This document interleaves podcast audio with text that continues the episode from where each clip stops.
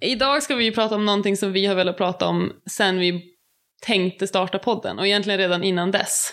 Precis, det här var ett av de första ämnena som vi kände att det här måste vi prata om. Exakt. Och vi har ju letat efter rätt person att prata med det här om. Och på omvägar så hittade vi henne. Och idag ska vi alltså prata om mens. Japp.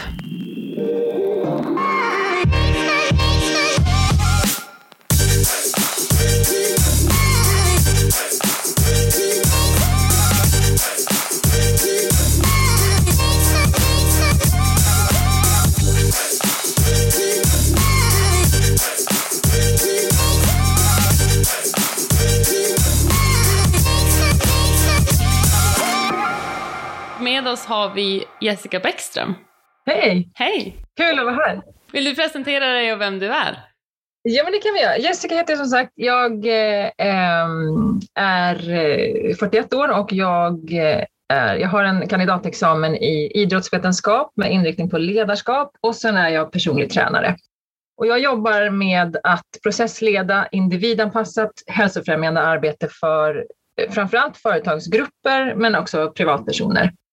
Ja, men jag brinner för kvinnors hälsa av så oerhört många anledningar. Ehm, jag tycker att kvinnors hälsa har kidnappats av skeva ideal och handlar alldeles för mycket om utseende, om vikt och om storlek istället för att handla om ja, men kvinnors hälsa och funktion på riktigt, det som får kvinnor att må bra. Så det försöker jag jobba med när jag träffar mina klienter som företrädesvis är kvinnor. Så det är det jag gör. Så jag är superpepp på att få vara här och, och prata om det här. För vi behöver prata mer om det. Helt enig. Glad att ni har plockat upp det i er podd. Vi tänker att vi börjar med en basic fråga som egentligen inte är så basic. Vad händer i kroppen under mens? Ja, men menscykeln det är en, en, komplex historia. Men om, om jag bara kort ska redogöra för Jag vill poängtera att jag är liksom inte medicinskt, jag är inte gynekolog eller något sånt. Men, men i, i korta och förenklade drag så är eh, menscykeln i genomsnitt 28 dagar lång, men den kan variera från mellan 21 till 35 dagar. Själva blödningen varar ungefär 3 till 6 dagar och de hormoner som är involverade i, i hela menstruationscykeln är östrogen, progesteron, FSH, follikelstimulerande hormon och LH, eh, luteiniserande hormon.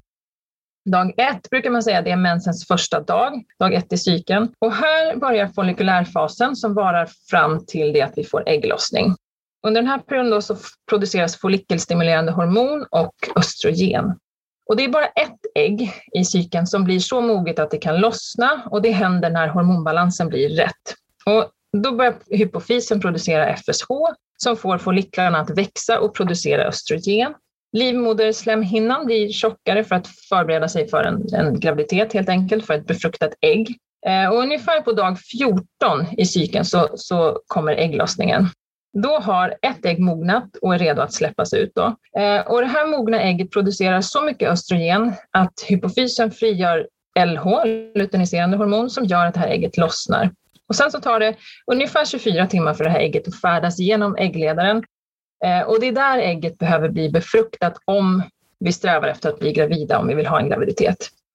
Här försöker kroppen optimera chansen att bli gravid, så här ökar kroppstemperaturen lite grann. Eh, så det händer, genom den här processen så händer en massa saker fysiologiskt. Det är därför vi pratar om allt det här, det är för att fånga upp det här. Liksom. Så vi har lite högre kroppstemperatur, eh, vår livmoderhals öppnas upp och vi kan ha lite liksom, äggviteliknande flytningar som är fertilt sekret helt enkelt som ska göra det lättare att bli befruktad. Och när ägget har släppts, då ungefär 14 dagar innan mensen börjar igen, så kommer vi in i det som kallas för lutealfasen. Eh, då har vi kommit till mitten av cykeln. Så första halvan av cykeln kallar vi förenklat för follikulärfasen och den andra halvan för lutealfasen. Den här äggblåsan eh, kollapsar och bildar en gul kropp som producerar lite östrogen, men framförallt progesteron. Progesteronet Eh, gör sen att, liv, gör att livmoderslemhinnan blir stabil för att den ska vara redo att ta emot ett befruktat ägg, vara redo för en graviditet helt enkelt. Men har vi inte blivit gravida så dör den här gulkroppen ungefär på dag 21 i cykeln. Och då minskar progesteronnivåerna och till slut så är både progesteron och östrogen så låga att livmoderslemhinnan bryts ner och det är då vi får mens och så blöder vi ut den här livmoderslemhinnan eh, om vi inte uppnådde en graviditet helt enkelt. Så det är det rent liksom, faktamässiga i hur det ser ut. Det låter komplext, eller hur? Mm. Ja. Alltså det är en ganska komplex eh, det är en väldigt komplex eh, process i kroppen och sådär. Eh, och kunskapen kring det är ganska låg. Jag tycker också att det känns så komplext för att man hör det inte så ofta. Utan jag menar, det här kanske är första gången jag hör det så liksom genomgående, exakt mm. varje fas. Och det, om man inte hör det så är det klart att man inte har så bra koll på det. Nej, och jag kan också känna att det är först under de senaste fem åren som stigmat kring att prata om mens och menstruation kvinnor emellan men också mer liksom i ett utbildande syfte har lyfts nog mycket för att man ska börja förstå vad som händer i ens egen kropp. Och bara den uppenbarelsen, att man har så lite koll på någonting som är så komplext och påverkar typ varenda dag. Det, alltså, ja. det är förkastligt att det inte är bättre information. Det är helt sjukt. Det är helt sjukt. Det är helt sjukt. Och jag kan känna mig så här, jag menar det var långt upp i vuxen ålder, precis som du återigen, alltså precis som ni beskriver. Alltså det var, det var sent i vuxen ålder som jag överhuvudtaget så här, vänta nu, v vad handlar det här om liksom? Och så börjar man liksom eh, backa tillbaks. Ja men jag har gått på p-piller i liksom större delen av mitt liv. Och bara så här, jag har inte haft en aning om vad det har, hur det har påverkat mitt system, Liksom, jag har inte ens ifrågasatt det och jag tycker ändå att jag är, en, en ja, men jag är liksom vetgirig och liksom ganska kritisk till saker. Det har liksom inte ens slagit mig att, att så börja, mm, vänta, vad kan det här ha att göra med? Eller liksom så. Och det är ju själva, jag tänker att det är liksom det viktiga i det här samtalet att ha, att någonstans, jag tänker att man kan röra sig från, över hela skalan så att säga, men, men vi, vi, måste, vi måste prata om att vi inte vet någonting om det här. Det är så fundamentalt liksom. Jag tänker att det är liksom hela, ja, men det är som en grundtanke i liksom feminismen att vi vet hur vi själva fungerar liksom. Mm. Och att vi inser det och, och att den här att vi, har liksom, att vi får en kunskapshöjning generellt. Det som många inte vet är att menstruationscykeln för oss kvinnor är vårt femte hälsotecken. Det vill säga efter puls, eh, andningsfrekvens, kroppstemperatur och blodtryck så är menstruationen det som speglar vår hälsa. Visste ni det? Det är så intressant. Ja, och det innebär ju att, att så här, vet vi om att det är så och vi har en cykel som inte funkar eller vi har jättesvår PMS eller vi har en ganska oregelbunden mens eller liksom, cykeln har liksom börjat knasa på ett eller annat sätt så är det en jättestark indikation på att kroppen inte är okej. Okay. Det är någonting jag gör som inte gör att min kropp mår som den ska. Liksom. Den mår inte optimalt. Bara att veta en sån sak. Så jag tänker så här, ja men så biohacking, jag vet inte om ni är, har liksom jobbat något med det eller så? Nej. Det är ganska i ropet just nu att titta på hur vi kan eh, genom att så här, biohacka kroppen, titta på eh, vad vi kan göra för att tajma rätt med träning och med kost och så vidare på en massa olika sätt och tillföra saker och sådär. Hur vi kan optimera eh, vårt mående och vår liksom, prestation och sådär. Och för alla kvinnor så är liksom, ja men menstruationscykeln, vår mens är när jag säger mens så menar jag hela menstruationscykeln, inte bara liksom själva blödning, bara så tydligt. Så det är liksom det mest kraftfulla verktyget vi kan använda eh, för att göra det. För att optimera hur vi mår, för att liksom, men också eh, prestation och så vidare. Och det vet vi inte ens om. Nej, det är så sjukt. Och jag tänker också om man kollar till idrott, eller ser till idrott och på prestationsnivån man ligger på som elitidrottare, så är den enorm. Och applicerat på den prestationsnivån där eh, liksom marginalen för fel är minimal, kroppen pressas till yttersta gräns, man kan till och med argumentera för att det inte är så hälsosamt i vissa fall. Så för kvinnor applicerar man mensen på det.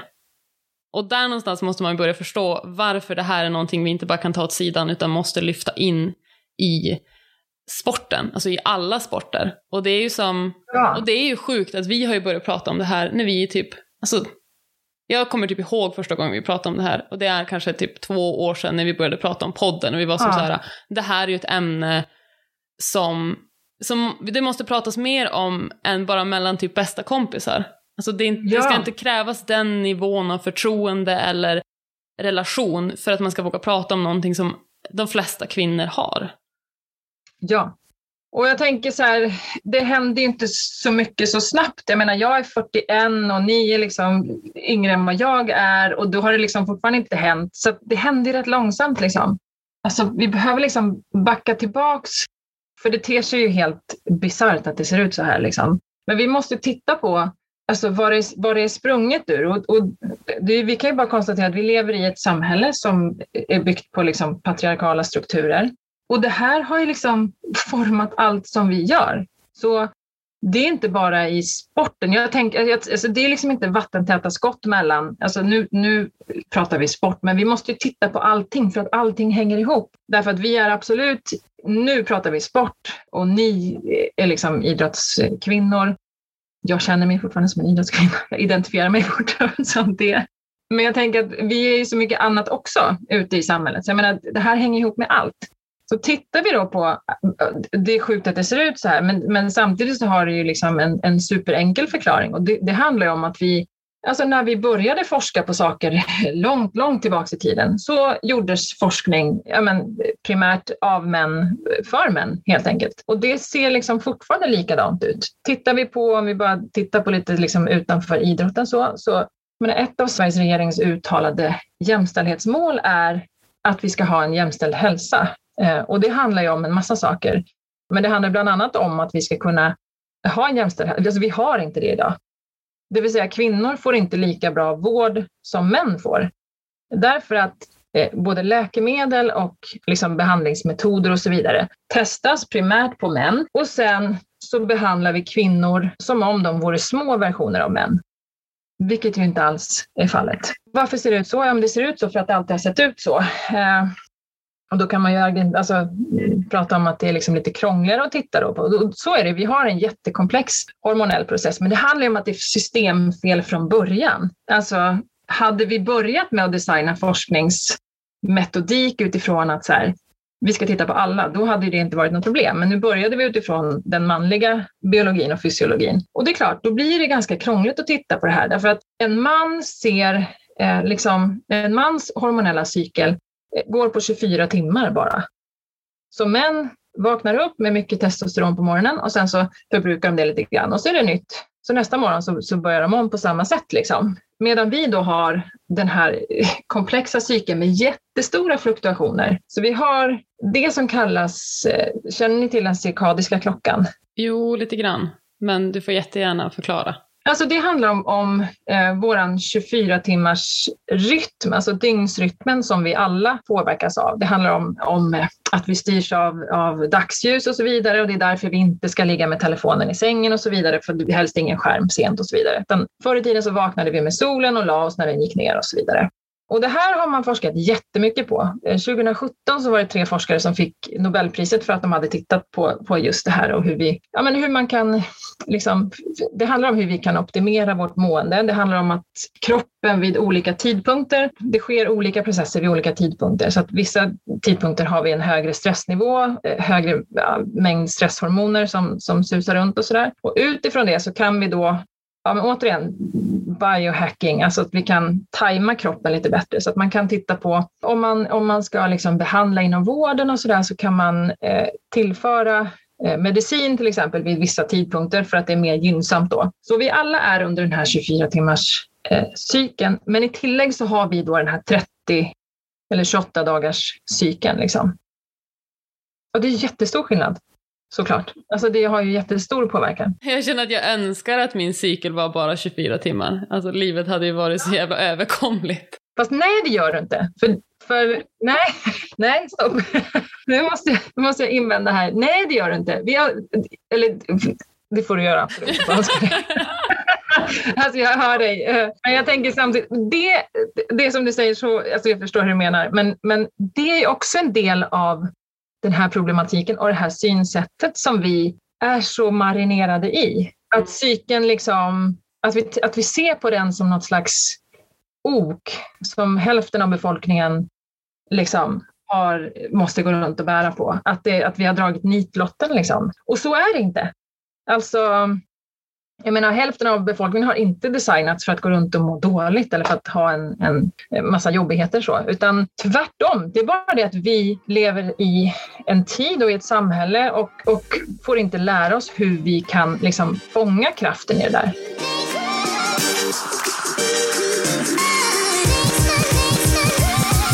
Då, då jag som har tränat hela mitt liv eh, och har haft mens eh, kanske halva mitt liv, hur ska man anpassa mensen till träningen?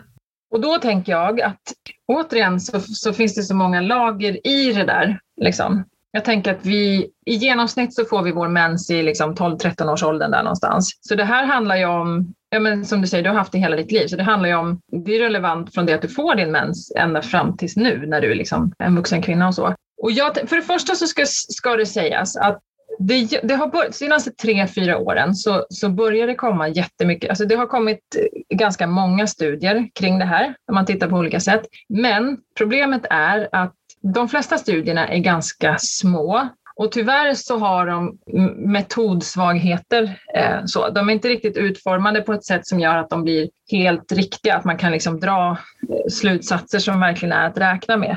Och jag skulle vilja dela upp svaret egentligen. Jag tycker att det är relevant utifrån de som lyssnar som antagligen befinner sig i olika åldrar och sådär. Så jag tänker att det är viktigt att titta på det redan från, från när vi börjar liksom påverkas, alltså redan i 8-9 års åldern så, så, så, börjar vi påverkas av hormoner. Och så kommer vi in i puberteten eh, och då börjar det hända jättemycket saker för oss. Eh, vi tenderar, liksom, vi lägger på oss lite vikt, får bredare axlar, vi får lite bredare höfter tyngdpunkten flyttas, vi får en annan mekanik i liksom knäna och sådär. Så vi får liksom en helt annan kropp helt plötsligt. Att jämföra dem om vi tittar på hur det ser ut för pojkar så när de kommer upp och når puberteten då blir de liksom starkare, de blir slankare, de blir snabbare och sådär. Så att det börjar egentligen redan där. Och tittar vi då på att så här, i princip all träning som har gjorts på, forsk eller på idrott och på nutrition och så vidare. Den är gjord, den är designad utifrån eh, mäns eh, biologiska förutsättningar. Redan där skulle vi behöva anpassa träningen. Inte för att tycker det är viktigt att prata utifrån liksom fler perspektiv. Ett perspektiv är ju liksom eh, prestationsdelen som det kan handla om när man, eh, som du är proffs till exempel. Men det finns också den här liksom hälsoaspekten som hela tiden måste finnas med. Att vi har en hållbarhet genom det. Att vi kan utöva vår idrott och träna och, och så, men också må bra. Att det inte sker på bekostnad av vår, vårt välmående. Så. Så redan där, redan när vi kommer in i puberteten, så skulle vi behöva ha ganska lite anpassad träning helt enkelt. För vi vet att vi tappar av ganska mycket. Jag gissar att ni kan liksom känna igen det också, att, att ja, men många tjejer slutar där någonstans kring puberteten. Och en av anledningarna är precis det här. Vi får liksom en annan kropp att förhålla oss till och sen så kommer mensen och så är vi liksom lite, kroppen hänger inte ihop på samma sätt och sådär. Jättestor skadefrekvens, mycket större risk för eh, en tjej i puberteten att skada sig, alltså korsbandsskador och så vidare. Risken att drabbas av en, en typ främre korsbandsskada är två till fyra gånger högre för en, en, en tjej i puberteten än för en kille. Det är sjukt. Ja. Alltså höfterna blir bredare, så vi får liksom en annan mekanik kring knän och sådär. Eh, och ett annat liksom hoppmönster och sådär. Så redan där behöver vi liksom anpassa det. För att få eh, tjejer att stanna kvar och tycka att det är peppigt och, och för att få det att vara liksom hållbart. Du säger att det är en komplex fråga och jag håller 100% med och den är ju komplex alltså, redan i bara det biologiska, hur det funkar och alla processer i kroppen men sen är den ju komplex i det sociala också. Och det känns som att man behöver ju attackera det från två håll, precis som du säger. Det är ju en hälsoaspekt, men hälsa är lika mycket mentalt som det är fysiskt. Du tänker prata om själva menstruationen och, och allt ja, det här? Ja, exakt. Att man, man, det är någonting man döljer hela tiden och det är en viktig del i att lyfta upp frågan. Ja, och jag tänker också att så, här, så komplicerat behöver det heller inte vara. Alltså, om någon bara hade haft den här dialogen med mig någonstans, eh, liksom en coach eller i skolan eller eh, liksom någonstans, så hade man ganska snabbt kunnat liksom avmystifiera det lite grann. Så. Det handlar bara om kunskap, alltså att äga det. Liksom. Så att man, vi, vi måste liksom uppa eh, kunskapen hos, hos ledare, hos föräldrar. Liksom. Ja, men om vi ska bara hoppa tillbaka till så här, de bevis som finns. Eh, för det, så, så tyvärr så, så, finns det inte, vi är inte framme ännu vid att, att vi har kunnat tagit fram, liksom, att, att man har kunnat tagit fram riktlinjer som, som, som är tillräckligt skarpa och tillräckligt, liksom, som det finns tillräckligt mycket evidens för. Att man kan gå ut med liksom, generella eh, riktlinjer. Eh, men däremot så finns det mycket indikationer på det. Eh, och det pågår jätte, jätte, jättemycket forskning hela tiden. Det som man har kunnat se generellt, det finns en svensk studie eh, som, som gjordes eh, bara för något år sedan, där man tittade på styrketräning. Och då testade man, eh, då ville man se i förhållande till psyken hur, hur kvinnor svarade på styrketräning. Så då hade man tre kontrollgrupper. Man lät den första gruppen träna, man tränade bara benstyrka. Eh, och så körde första kontrollgruppen körde de första två veckorna i mensen, i follikulärfasen, så körde de fem styrkepass i de första två veckorna fem pass per vecka och sen så körde de ett pass i veckan under de två sista veckorna fram mot mensen, så efter ägglossning och, och mot slutet. Den andra gruppen körde omvänt, så de körde ett pass i veckan under de två första veckorna av mensen och så körde de fem pass på de två sista veckorna. Och den sista gruppen körde tre pass genom hela cykeln, så tre pass per vecka i fyra veckor. Och då kunde man se att, att det var avsevärt mycket bättre resultat på de som hade kört tungt i första halvan av cykeln eh, jämfört med de som hade kört eh, enligt de andra uppläggen. Det är ganska starkt och det har man, SISU har publicerat en, en, en bok som heter Kvinnor och träning. Så, så den, den finns som ett litet underlag och där nämner man den. Sen finns det mycket indikationer på att det skulle finnas annat som är, är liksom bra att göra, men det är det som, som man har gått ut med som en rekommendation. Så. Så fråga, den generella frågan är så här, bör vi anpassa träningen? Det är någonstans där vi börjar. Bör vi anpassa träningen till menstruationscykeln? Och det är faktiskt på gång en studie i Sverige som skulle ha satt igång i höstas och som har som ambition att svara på exakt just den frågan faktiskt. Så de skulle ha satt igång med det eh, under hösten nu 2021, men på grund av pandemin så kunde de liksom inte slutföra det. Eh, de fick inte godkänt. Jag hördes med dem bara här i veckan tidigare för att kolla om de hade fått några, om det fanns några resultat som man kunde liksom ta del av. Eller sådär. Men eh, de har faktiskt fått skjuta på det helt. Så att vi väntar på att få det klarlagt. Så får, vi får ge oss till tåls lite. Forskningen är inte vi är inte i hamn där helt enkelt. Men den pågår och det kommer mer och så vidare. Och förhoppningsvis så tänker jag att vi snart, ja men jag hoppas att vi har det på plats ganska snart ändå. Liksom. Det hon återkopplade med var att de har gjort en, en studie på tusen stycken eh, elitidrottskvinnor eh, som har fått liksom, göra en, en ganska omfattande enkät om, om att, att idrotta och att ha mens. Så den kommer att publiceras under våren.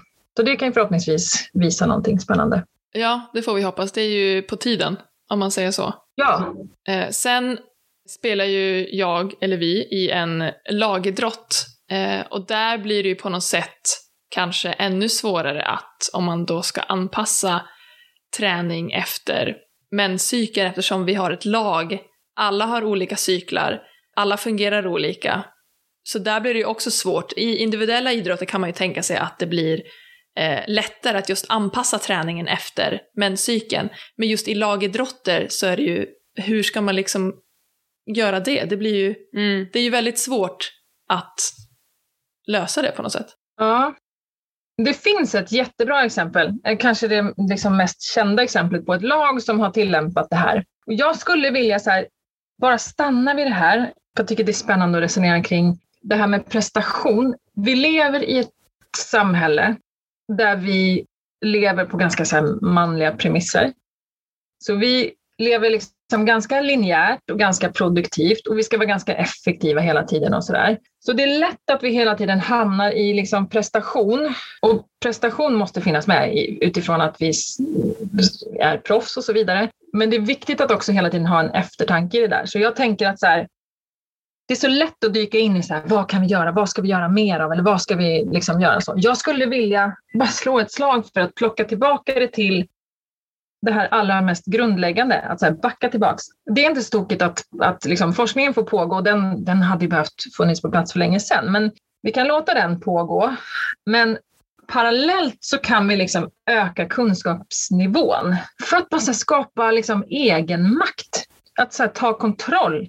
Så bara genom att, alltså, vad kan vi göra om man vill ha, jag blir också nyfiken, jag vill också veta så här, är, hur kan vi liksom optimera, vad, vad är det smartaste sättet så. Men man kan också här, ta ett steg tillbaks och titta på att bara genom att utforska sin egen cykel, så här, lära känna den om man har en cykel, eh, vill säga. Så här, vad händer? Ta reda på kunskap. Hur ser min cykel ut? Kartlägger ni era cykler till exempel? Jag började göra det eh, för ett år sedan.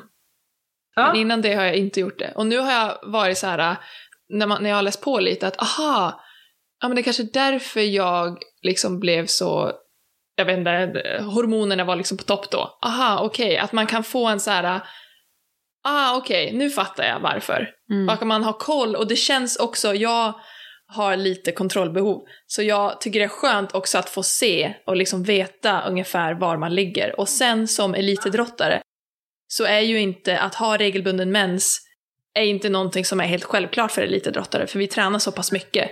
Så för mig är det inte självklart att ha mens en gång i månaden. Men jag tänker också, när du har börjat kartlägga den, har du för då kommer vi tillbaka till att det är ett, hälso, ett hälsotecken. Har du märkt att den har blivit oregelbunden när det har varit en...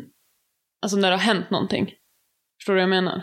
Mm. Alltså har du kunnat använda, antingen har det hänt någonting och det har påverkat mensen, eller att mensen har blivit påverkad och det har liksom härlett till att du har förstått att, jaha, men det här, det här sitter ju ihop, de mm. två händelserna.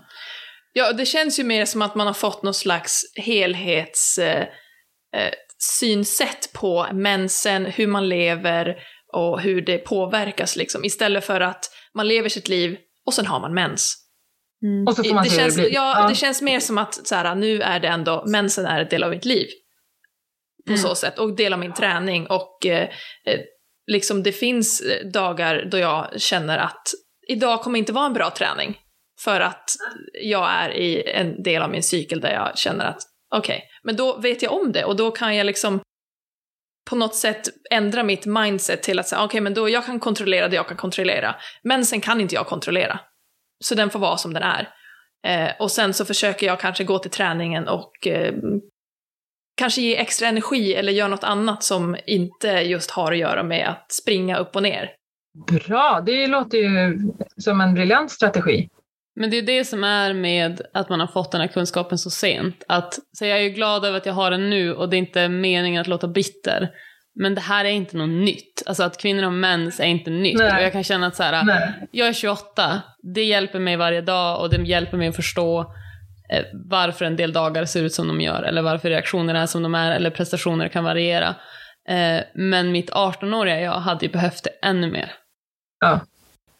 Och liksom, jag hade behövt att vi pratade om det när vi var 18. Att vi hade den förståelsen gemensamt. Ja. Att det inte var mm. så här att man själv oroade sig för att åka på bortamatcher för att man hade mens och man skulle duscha i samma omklädningsrum eller att ha vita matchställ eller alltså alla de här sociala grejerna som kan tyckas små men som bygger på. Um, det, det är det som jag kan bli som så här bestört över. Och det jag hoppas, alltså jag vill ju inget annat än att, och det är därför vi har velat göra avsnittet, att så här, vi, men inte så många generationer till, ska behöva ha det här som någon, någon skämmig grej. När det är typ det mest naturliga som finns. Ja, ja. Så, två saker där. Jag tänker dels, eh, dels vill jag bara säga så här, det som är det peppiga i det, så här, steg ett är ju det att handlar ju om att, att, att, att kartlägga, precis som du har gjort, eh, liksom, Ellen, att, att ja, men börja titta på så här, hur ser det ut? Att börja kartlägga månad för månad. Hur ser det ut? Har jag någonting som återkommer? Så här, har jag, ja, men får jag vrålsvår PMS varje månad? Liksom?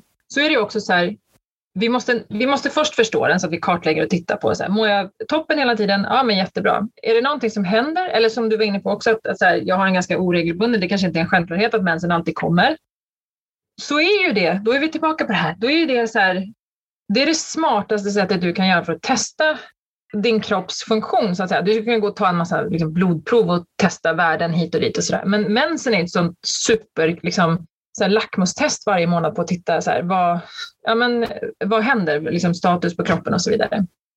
Grunden i det handlar om, och det tycker jag är viktigt att säga också, menstruationscykeln handlar ju om vår fertilitet men jag tycker det är viktigt att poängtera att fertilitet handlar inte nödvändigtvis om att vad vi vill göra med den. Det är strunt samma vad, vad vi har för avsikt att göra med vårt liksom, reproduktiva system. Så det spelar liksom ingen roll om jag inte, nej, jag tänker inte eh, skaffa några barn, då kan jag strunta i hur mitt alltså, då kan jag strunta i, i det där, det angår inte mig. Utan, utan menstruationscykeln och och de liksom, hormoner som vi har som flödar runt i vår kropp, de styr liksom hela vårt välmående. Alltså hur vi mår mentalt, vad vi har för sexlust handlar jättemycket om, om liksom att vi har en, en, en bra snurr på våra hormoner. Liksom. Hur våra slemhinnor mår, hur vår benhälsa ser ut och så vidare. Det, det handlar om så mycket. Liksom.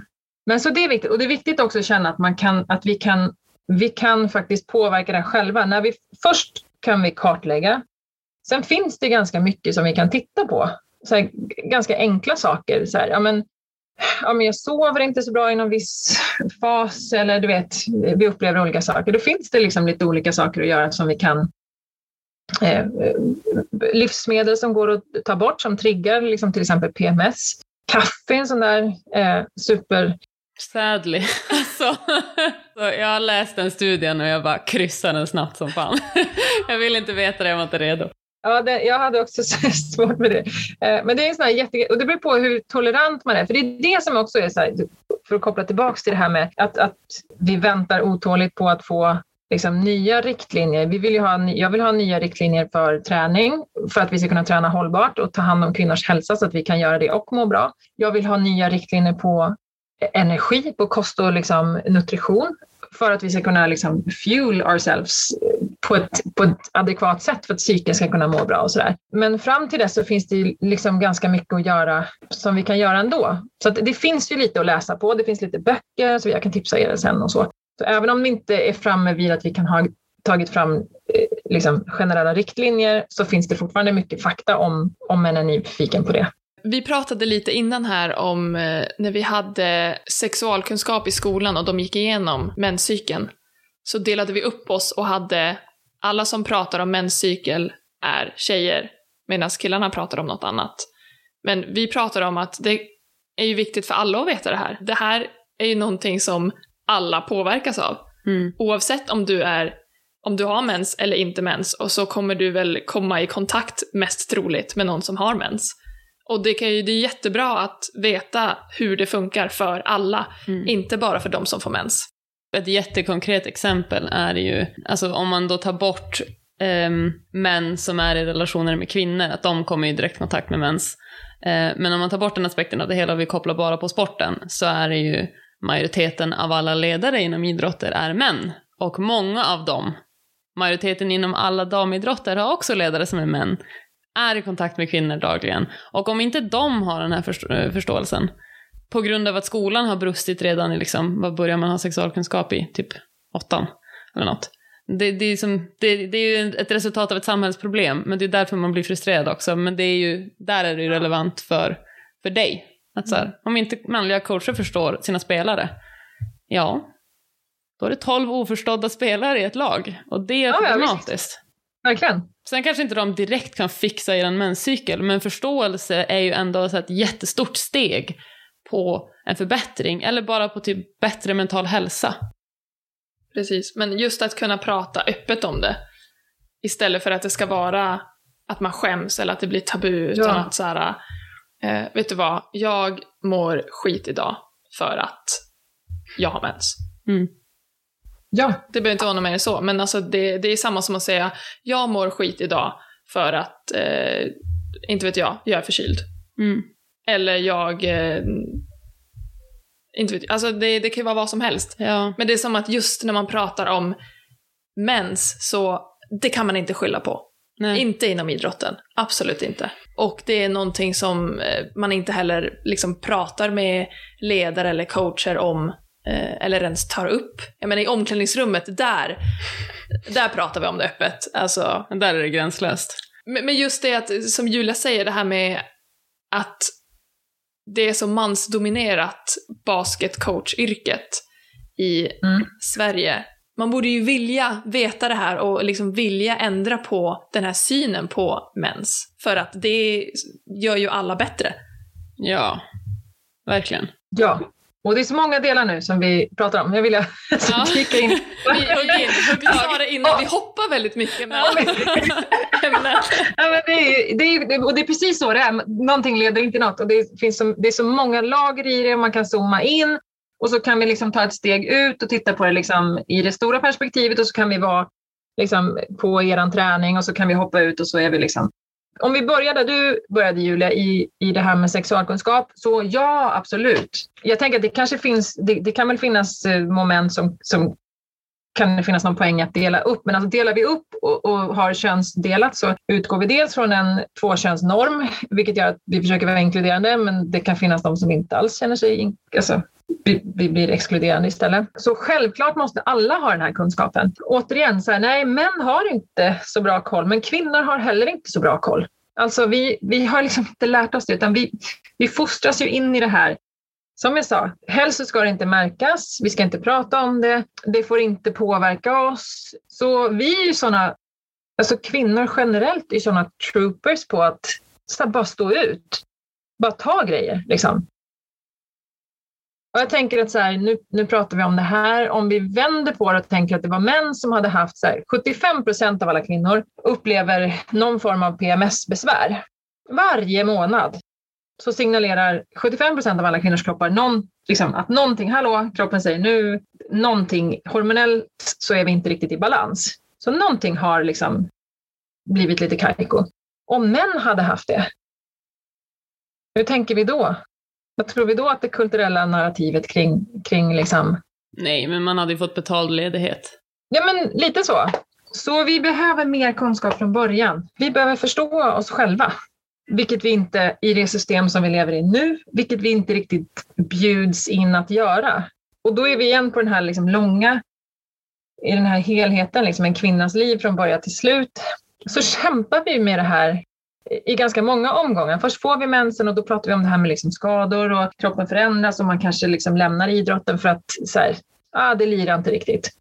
Medan så hade vi vetat att så här, men det är så här nu en period, men din kropp kommer liksom att, att justera sig och vi kan liksom anpassa träningen och så. Hade en coach bara liksom adresserat sådana saker så hade det ju varit, jag menar hur många hade vi kunnat behålla då och fått en helt annan bredd i idrotten?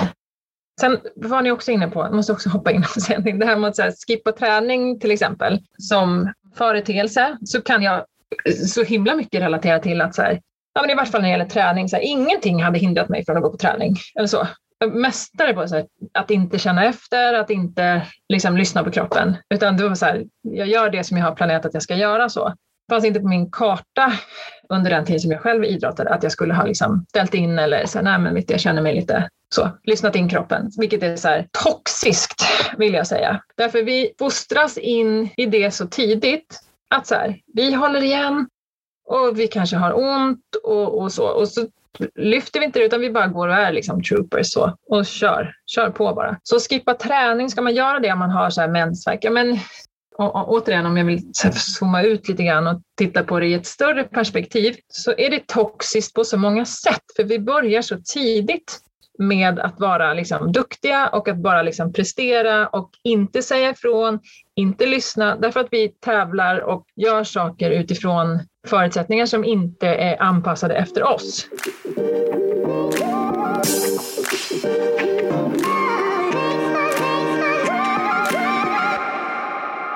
Jag känner min kropp och jag vet när den mår dåligt. Jag är bra på att tänka på det utanför menscykeln. Så typ, jag eh, kan ha ryggproblem. Då vet jag vad jag kan göra och vad jag inte kan göra. Och jag, jag vet liksom att jag kan säga till att eh, jag har ont i ryggen idag eh, och så vidare. Och jag är väldigt bra på att känna efter min kropp när jag eh, är på väg att få feber eller är på väg att bli sjuk. Eh, jättebra. Men just när det kommer till mensen för att det är någonting som man inte pratar om och någonting som är lite tabubelagt och som man inte ska skylla på eller någonting så blir det något helt annat. Det skulle vara jättekonstigt för mig att gå till träningen och säga så här, jag kan nog inte träna idag på grund av det här. Nej. Och för att jacka i där så, jag hade känt att min tränare hade upplevt att jag använde det som en ursäkt. Mm. Och inte som någonting som faktiskt var ett reellt problem.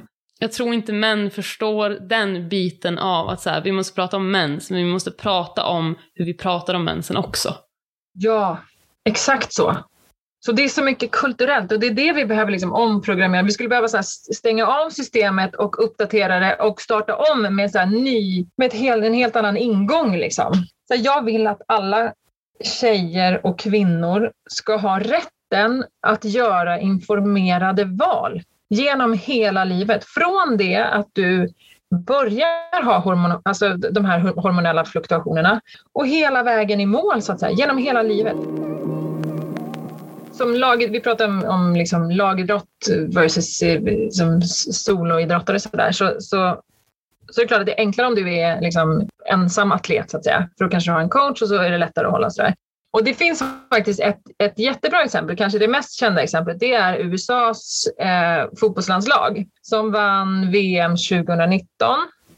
Um, och deras head coach Dawn Scott hade inför VM, sådär eh, ett halvår inför någonstans där, eh, tittat på hur spelarna, kollat deras cykler och sådär och noterat att det var en tre, fyra spelare som, ja, men som var lite ur synk, som kanske hade lite sömnrubbningar och så vidare. Och så klurade hon på inför VM då hur de skulle kunna göra någonting bra det här på lagnivå, för det är ju liksom utmaningen att, att hur gör man det när man har ett helt gäng så. Och vad hon gjorde då var att hon hade koll på spelarnas cykler och så liksom punktmarkerade hon och kom med liksom personlig feedback till de spelarna som behövde det mest. Inget, inget avancerat alls, utan så här, någon kanske, ja men, visste någon med sig att de hade liksom svårt med sömnen eller sov lite sämre under någon del av cykeln, så här, ja men då kunde hon skicka påminnelser om att så här, men, okej, okay, nu tänker vi, fokar vi på sömn eller fokar vi på återhämtning och så vidare. Och ett halvår innan eh, VM då så, så klurade hon på hur hon skulle nå alla i det här. Så att hon började då skicka de här eh, smsen och coacha dem lite individuellt. De hade samling liksom 50 dagar innan, innan själva mästerskapet. Eh, vad de gjorde nu var att de satte upp anslag i alla liksom, allmänna utrymmen och sådär. Så där de så bara kort påminde om det här är de olika faserna. Tänk på om du befinner dig här, att du får liksom ordentligt med sömn.